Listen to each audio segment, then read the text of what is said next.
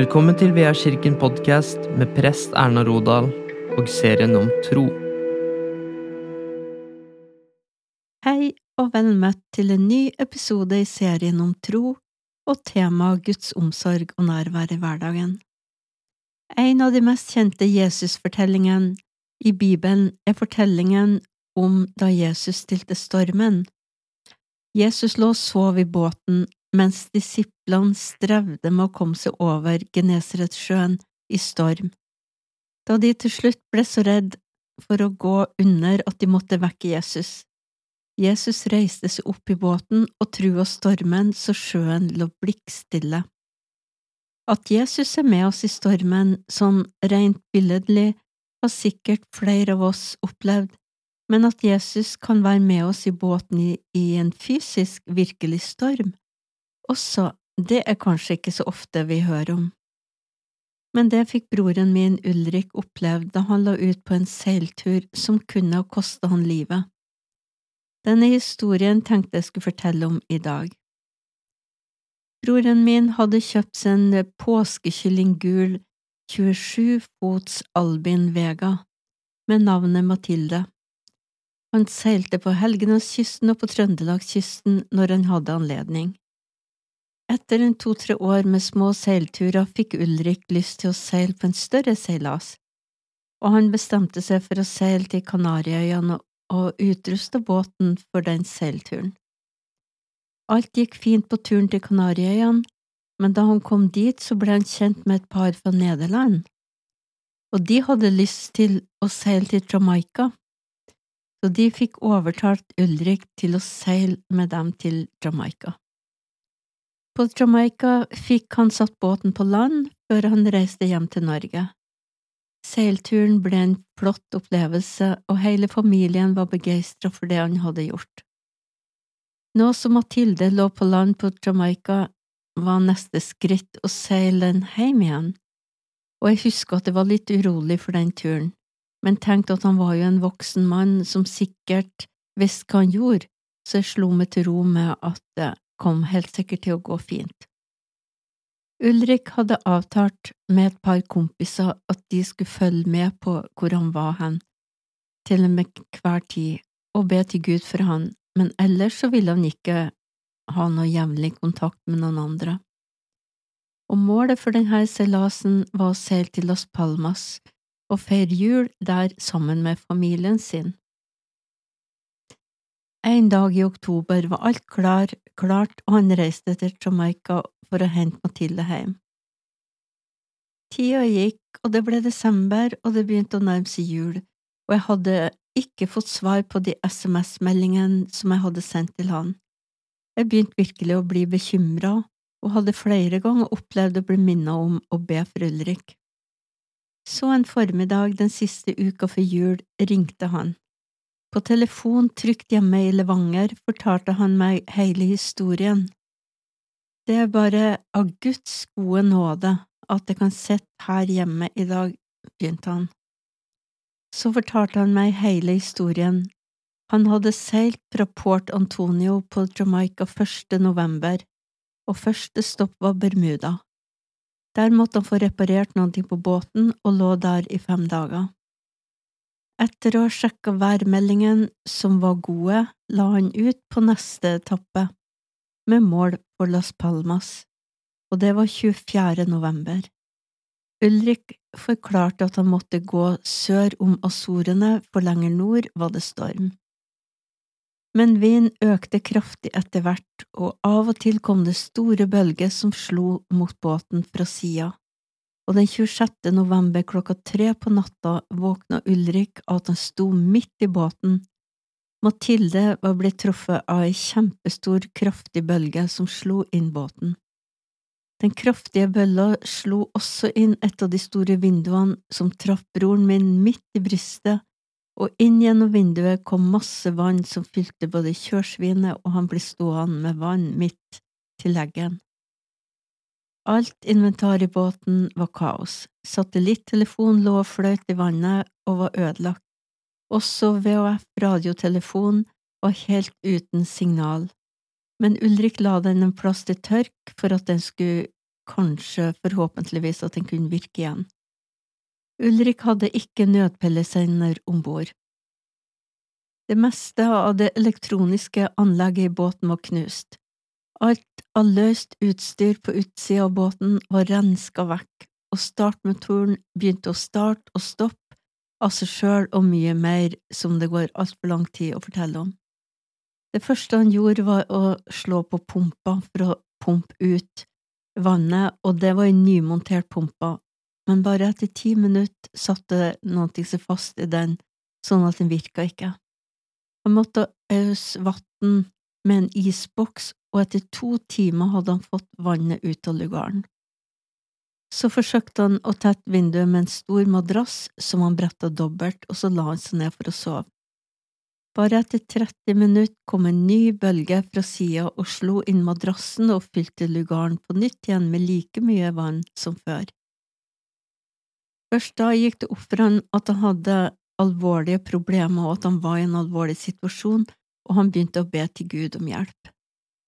Og tett vinduet på en sånn måte at det ikke løsna igjen om det kom inn en ny bølge, det var det første han måtte gjøre. Ulrik fiksa vinduet med to–tre plater som han klarte å få skrudd på, og deretter gikk han løs på å øse ut vannet. Så fikk han stabilisert båten, men hele tida var vinden så sterk at båten lå helt på sida og kraftige bølger slo med jevne mellomrom mot båten. Etter fire døgn løy av vind, men etter få timer begynte det gradvis å blåse opp igjen, og Ulrik kjente seg helt utslitt både fysisk og psykisk, av dårlig søvn og påkjenning av en situasjon som han var i. Da plutselig var det som om Gud kom og styrka han og ga han et ord. Om jeg enn skulle vandre i dødsskyggens dal, frykter jeg ikke for noe ondt, for du er med meg, din kjepp og din stav, de trøster meg. Salme 23 og vers 4. At han var i dødsskyggens dal, det var jo sikkert, men Gud er trofast, og ordene fra Salme 23 vers 4 kom som en trøst og en visshet om at Gud ville være med han og komme han til hjelp. Det sjette døgnet opplevde Ulrik som om at Jesus kom til han i båten. Han så ingenting, men han kunne kjenne Guds nærvær, og han ble fylt med glede, fred og tro. All frykt var som blåst vekk. Så fikk han ordene jeg vil sende min engel til deg. Da var det akkurat som han så for seg en engel som kom og satte seg foran i båten, han kunne kjenne Guds hellige nærvær. Så plutselig snudde vind og kom fra en ny retning samtidig som det begynte å blåse opp, til en vind så kraftig som Ulrik aldri hadde opplevd før. Vind blåste 70 knop, og det er en og en halv gang orkanstyrke. Vind blåste med jevn styrke sånn at båten lå helt på sida og ripa lå nesten nedi vannet. Ulrik skjønte at han måtte komme seg ut på dekk og få justert seilene slik at ikke båten ville bli fylt med vann. Han knytta to livlinjer rundt seg og klarte å komme seg til seilet og slakk av bommen, sånn at båten retta seg opp. To ganger måtte han ut på dekk for å justere seilet, da var han så sliten at han la seg til å sove. Etter å ha sovet noen timer opplevde han akkurat som at han ble vekt, at han måtte stå opp med en gang, og da var klokka tre på natta. Vinden var ikke så sterk som før, bare kulingsstyrke, og på radaren kunne han se at en båt nærma seg. Det var nå gått nesten ni døgn siden ulykka skjedde, og på hele den tida hadde ikke Ulrik sett en eneste båt på radaren før nå. Da båten nærma seg, sendte han ut to nødraketter, men vinden var så sterk at rakettene ikke fikk høyde nok, og de gikk rett i havet. Båten passerte Mathilde uten å oppdage den. Ulrik prøvde å rope i VHF radiotelefon, som nå var begynt å virke på det svakeste frekvensen, men avstanden var for stor. Båten forsvant i horisonten, og Ulrik var fryktelig skuffa. Nå hadde han bare én nødrakett igjen, ikke satellittelefon som virka. ikke nødpeilesender om bord, bare en VHF-radiotelefon som virka på den aller svakeste frekvensen. Tre timer senere fikk Ulrik se en ny båt som var på vei, og denne båten var mye nærmere. Ulrik kunne se at den var et 200 meter langt lasteskip, Tongala, og at den ville passere om en time på en avstand av ti nautiske mil. Ulrik ventet tre kvarter før han sendte opp den siste nødraketten, men den kom heller ikke høyt nok opp på grunn av vind og så begynte han å rope fra den svakeste frekvensen på radiotelefonen. Mayday, mayday, mayday, Mathilde is calling Tongala.